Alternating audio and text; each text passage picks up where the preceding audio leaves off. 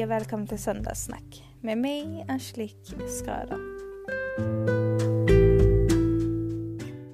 Hoppas att ni har haft en superhärlig helg och att ni fortfarande kan njuta lite av höstsolen får man kalla det nu för sommaren är ju definitivt över nu. Men att ni njuter av de sista varma timmarna i, på uteserveringen och ja, förbereder er för vintern.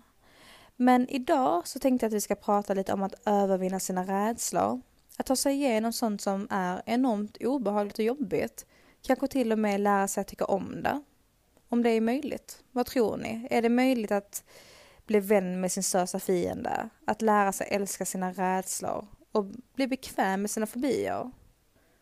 Det låter kanske lite konstigt och nästan till omöjligt. Vem vill, vem vill ens bli vän med sina värsta fiender och sina mest obehagliga tankar? Men det kan faktiskt vara ett sätt att bli av med det. Och det finns en terapiform som kallas för KBT. Det är säkert många av er som känner till det. Det är en förkortning av kognitiv beteendeterapi och denna metoden används framförallt för att bota rädslor och fobier och obehagliga tankar, sånt som man tycker är jobbigt. Och det är någonting som jag personligen har använt mig av i många år. Redan när jag var ja, cirka 15 år så påbörjade jag min första KBT-behandling mot mina tvångstankar och orostankar. Och det, det måste vara lite mer, snart lite mer än 10 år sedan nu. Och då vågar jag inte ens, jag vågar inte ens åka buss, jag vågar inte äta mat på restauranger, jag vågar inte gå ut ensam och jag vågar ingenting. Det här är bara, det, är liksom, det här är bara en så liten del av det jag inte vågade göra. Men idag så gör jag allt detta och mycket, mycket mer. Så jag tänker att vi ska prata lite om detta, hur det fungerade för mig och mina tankar kring att övervinna mina största rädslor. Men vi ska också gå in på lite knep och råd kring hur man faktiskt gör och om det är möjligt att bli vän med sina största rädslor.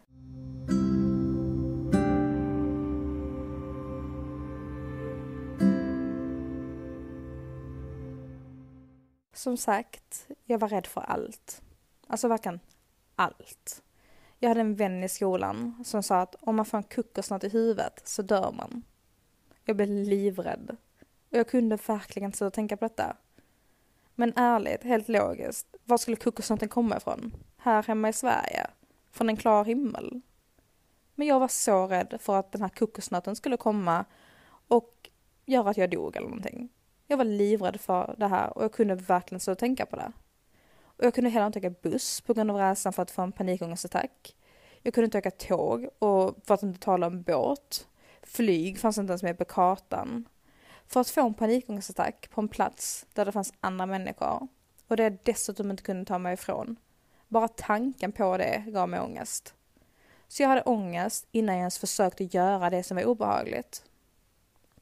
Men på min första behandling, min första, mitt första möte för min KBT-behandling när jag var cirka 15 år gammal, då satt jag tillsammans med min mamma och min psykolog i det här obehagliga psykologrummet som ni säkert alla kan se framför er två stolar, man sitter mitt emot varandra. Ja, här var tre stolar och ett litet bord och en liten matta och typ någon tråkig eh, plastväxt. Det är liksom ett typiskt psykologrum. Men hur som helst, jag satt där och fick berätta om mina obehagliga tankar och mina jobbiga rädslor. Och med mig hem så fick jag en läxa. Det var min första utmaning. Och den var att åka tåg. Så några dagar efter mötet så åkte jag tåg från Burlöv till Lund med min mamma och bästa vän. Det tar cirka tio minuter.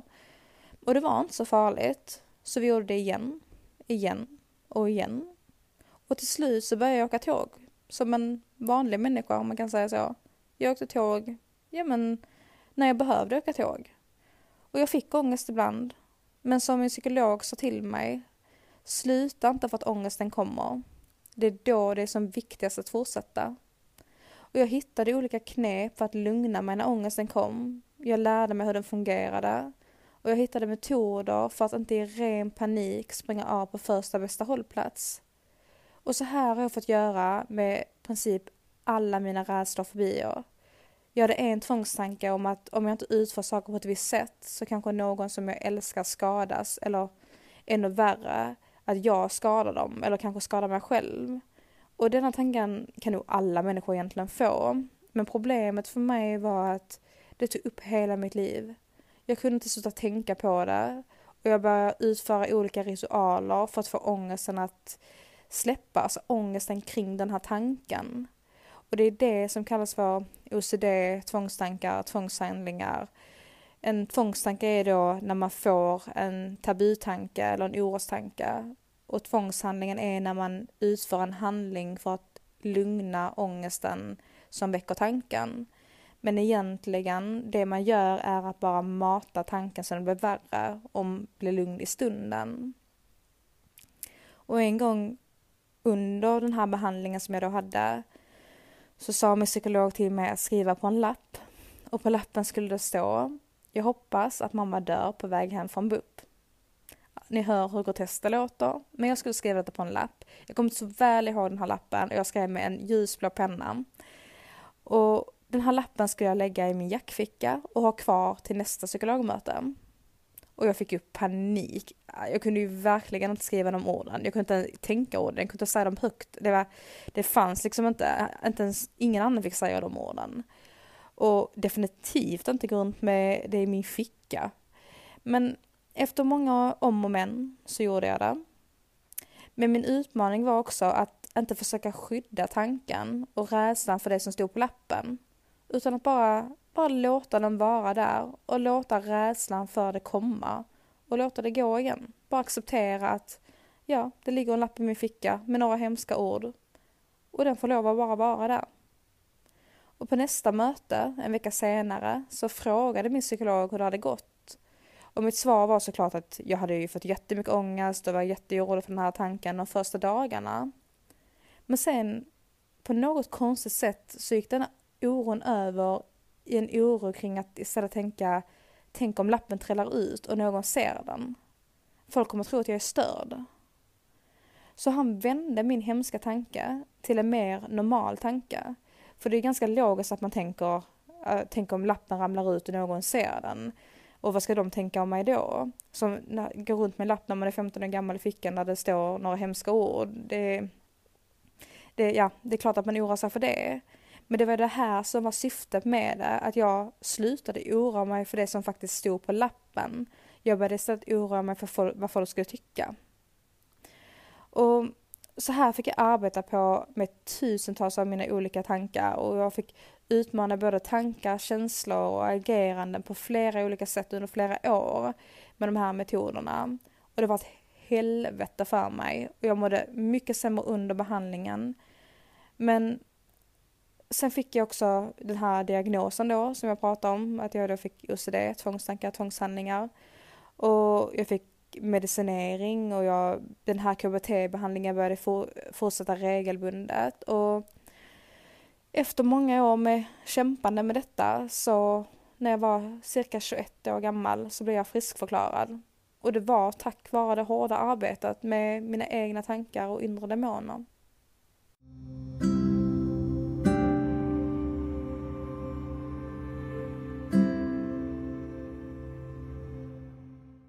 Och jo, såklart, jag har fortfarande rädslor, obehagliga tankar och ångest. Jag är människa. Och jag levde med detta i flera år innan jag ens fick min diagnos. Så att gå från att ha levt med detta i många år till att kalla sig frisk är för mig helt obeskrivligt. Och personligen så kommer jag aldrig riktigt säga att jag är helt frisk. Men jag är så frisk som jag kan bli. Och jag har enormt mycket redskap med mig för att förhindra att jag skulle må dåligt igen. För att utmana nya rädslor som jag möter i livet och inte låta det hindra mig från att leva ett normalt liv. Och jag sitter just nu i Mallorca och spelar in detta. Därav idén till detta avsnitt faktiskt. För vi flög hit och som en del av er redan vet så flög jag för första gången i mitt liv i början på detta året. Och nu har jag flugit sju gånger på bara ett halvår. Och jag får ångest varje gång. Så ja, jag har fortfarande ångest. Jag har fortfarande rädslor och obehagliga tankar och känslor. Men skillnaden är idag att jag gör det ändå. För jag vet att ju fler gånger jag gör det, hur jobbet än är, desto lättare kommer det bli varje gång. Och det är beteendeterapi. Och jag är egentligen inte rädd för att flyga. Jag känner, mig, jag känner mig väldigt säker och tycker faktiskt att det är ganska mysigt att flyga. En stund där man stänger av sig lite från omvärlden och vet att man är på väg till en mysig plats. Min ångest ligger mer i mina tankar och det är endast mentalt. Min kropp, den, det känns som att den fylls av obehagliga känslor. Hela magen, det bara fylls med oroliga, obehagliga känslor och det är en kylande känsla som strömmar genom kroppen och bara, det är början på en panikångestattack. Men det är mer, det är liksom inte själva känslan av att flyga som ger mig den här, dessa känslorna. Det är tanken på att tänk om. Tänk om jag får en ångestattack på flygplanet. Det är trångt, det är många människor, jag är fast i luften. Det gör mig skräckslagen i stunden. Men ändå så går jag igenom gaten, visar upp min biljett och hittar min plats. Sätter mig ner, sätter på mig säkerhetsbältet och flyget börjar rulla ut till startbanan och då kommer känslorna. Som jag trodde var under kontroll, men de bara kommer. Det är en kylande känsla som strömmar genom kroppen. En känsla av att jag tappar kontrollen och börjar drabbas av panik. Och nu börjar flyget köra fortare för att snart lyfta. Och snart är det för sent att säga stopp. Då måste jag sitta kvar. Oavsett hur dåligt jag mår. Men i själva verket så tycker jag att känslan av att flyget tar fart och lyfter är behaglig. Känslan av att vara uppe i luften är lite harmonisk och det är inget som jag direkt tycker är läskigt eller skrämmande. Men det är känslan av att jag vet att jag inte längre har kontroll där uppe. Jag kan inte gå ut när jag vill, röra mig hur jag vill och göra vad jag vill. Men detta fick mig också att tänka tillbaka på min barndom som till 90% eller nej, typ 99% handlade om kontroll. Kontroll för att alla andra skulle må bra, kontroll över framtiden, kontroll över mina tankar och rä eh, rädslor och känslor, kontroll över allt. Så länge jag hade kontroll så mådde jag bra. Och när jag satt här på flyget och tänkte på det här, jag började fundera lite på det kommande poddavsnittet och tänkte att det här hade ändå varit bra att prata om. Och då slog det också mig att jag har upptäckt någonting nytt som jag behöver träna på. Att sätta mig på ett flygplan utan att få ångest. Något som jag inte kan ha full kontroll över. Även om jag måste göra det 10, 100 eller 1000 gånger så kommer jag göra det. För jag vet att jag är starkare än ångesten. Och som tur är så har jag så mycket redskap med mig idag från alla mina behandlingar att idag när jag får denna känslan av ångest så blir jag rädd i någon sekund. Och sen så tar jag kontrollen över det. Jag har tränat så mycket på mitt mindset och det som fungerar bäst för mig. Och det som fungerar absolut bäst för mig i en sån här stund, det är logiskt tänkande. Vilket i detta fallet till exempel kan innebära att jag tänker, nu sitter jag här, jag kan inte gå av, hur mycket ångest jag än har. Så det är inte lönt att ha ångest.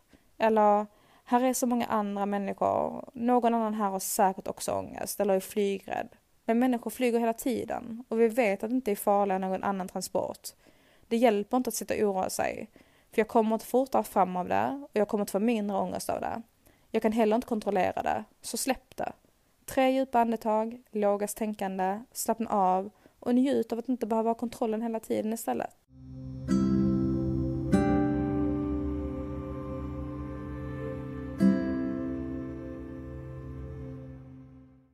Okej, okay, men nog om mig. Det finns miljontals andra fobier och ni som lyssnar kanske också sitter med en känsla av lite klaustrofobi på flyget eller rädsla för spindlar, ormar eller andra insekter. Eller så kanske ni lever med ett undvikande beteende på grund av en person, plats eller en situation som väcker oro och ångest. Och alla dessa typer av rädslor är en typ av fobi som går att träna bort. Det går att söka professionell hjälp för det. Men det finns också många knep och råd man kan använda sig av hemma. Och några knep som jag kan ge er, det är först och främst att våga utmana själva. Men ta ett steg i taget. Du kommer inte övervinna din rädsla på en dag eller genom att utmana dig själv en gång. Det måste ske successivt och det kommer ta tid. Det kommer vara skitjobbigt och du kommer må dåligt och du kommer vilja ge upp. Så innan du börjar så måste du vara medveten om detta. Du måste vara beredd på att det inte alltid kommer vara lätt och du måste ta dig igenom det även när det är svårt. Men viktigast av allt är att du har viljan där. För om du inte vill bli bättre, om du inte vill övervinna dina rädslor och bli hjälpt, så går det inte att hjälpa dig heller. För då är du inte mottaglig. Så är du redo för att övervinna dina rädslor? Bra. Jag tror på dig och jag hejar på dig hela vägen. Börja med att tänka på dig själv, hur ditt liv skulle se ut utan dina rädslor. Skriv gärna ner dem, eller säg det högt. Är du livrädd för insekter men drömmer om att åka till Australien? Du kanske är medveten om att det finns många insekter där och andra unika djur. Men du vill så gärna åka dit, men din rädsla för dessa djuren hindrar dig. Och kom ihåg att kunskap är makt. Så leta reda på fakta och information om Australien. Vilka djur finns där? Hur vanliga är de? Är de farliga eller ofarliga? Kan man undvika dem eller hur fungerar det? Besök ett zoo eller ge dig ut i skogen och bli bekant med kryp och djur som är helt ofarliga. Ta med dig någon som inte är rädd för detta och berätta att du gärna vill bli bekant med detta för att träna på din rädsla. Första gången så kanske du bara tittar på djuren. Andra gången så kanske du närmar dig dem lite grann och tredje gången kanske du till och med håller i ett djur eller klappar dem. Det kommer att vara läskigt, det kommer att vara jättejobbigt och obehagligt. Men gör det flera gånger ändå, om och om igen, hur jobbigt det än är. För innerst inne så vet jag om att du är medveten om att det bara är en mental rädsla. Du vet att djuret är ofarligt. Och jag lovar, när du har gjort det tillräckligt många gånger så kommer du klappa den där ormen utan att känna obehag. Du kommer ta bort alla spindlar utan att rysa eller gråta. Och du kommer sätta dig på flyget och åka till Australien.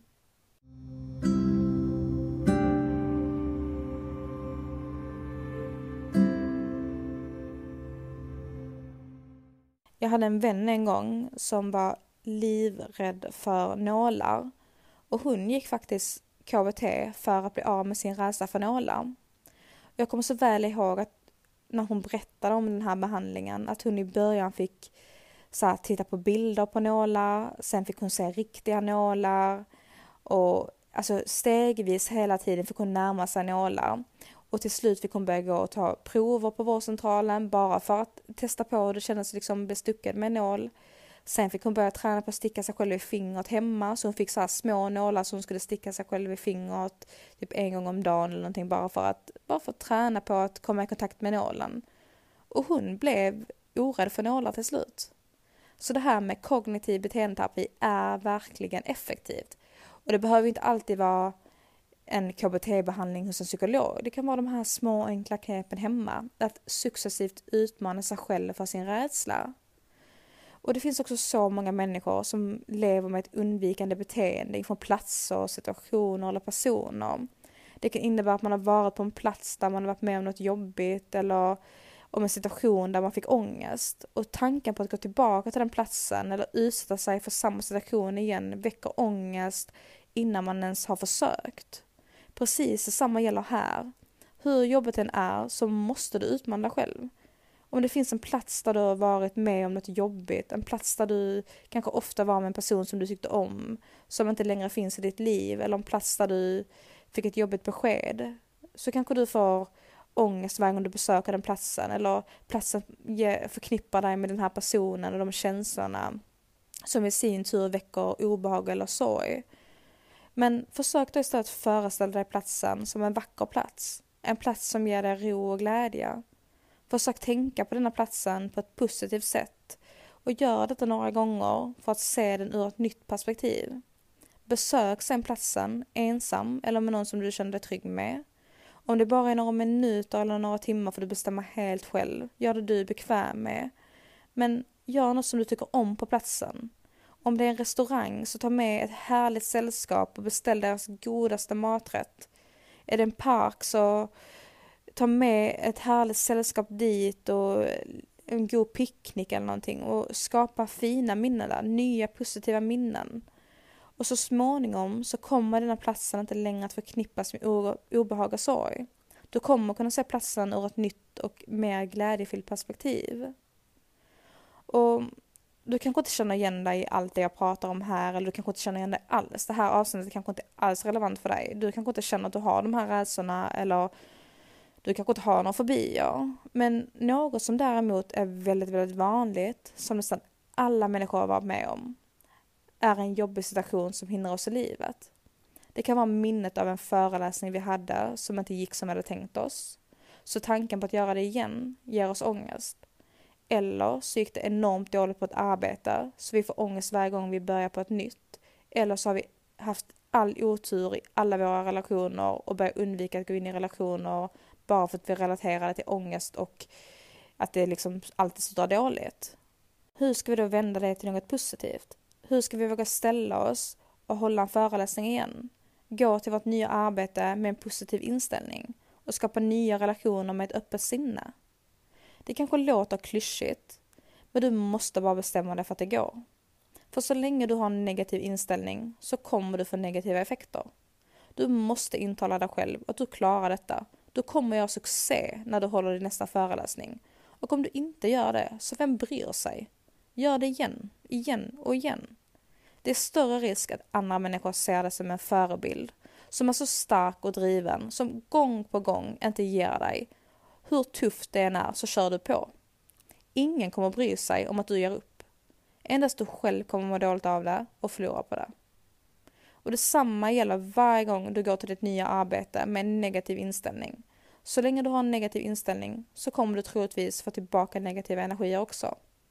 Våga se nya möjligheter istället. Var öppen för att lära känna dina nya kollegor och se det fina i ditt arbete tills du istället visar motsatsen i så fall. För det kanske inte ens kommer ske. Du kanske inte ens blir bevisad motsatsen. Det kanske blir kanonbra. Du måste bara våga tro på det. Och ni som undviker att skapa relationer på grund av rädslan av vad de kan ge er och var de kan leda. Jag vet att det är tufft. Vi kan inte förutse framtiden och vi vet aldrig hur en relation slutar. Men det hör till livet. Så våga möta nya människor. Träffa människor och skapa nya relationer. Träffa en ny partner, hitta nya vänner. Våga ge dig ut i världen, även om du inte vet hur det slutar. För ju längre och ju mer du undviker det, desto sämre kommer du må. Och jag lovar dig, det kommer göra mer ont att stå ensam kvar i vetskapen om att man inte vågade satsa på sina relationer än att faktiskt ha förlorat fina människor eller vetat att man gav allt även om man inte fick det tillbaka.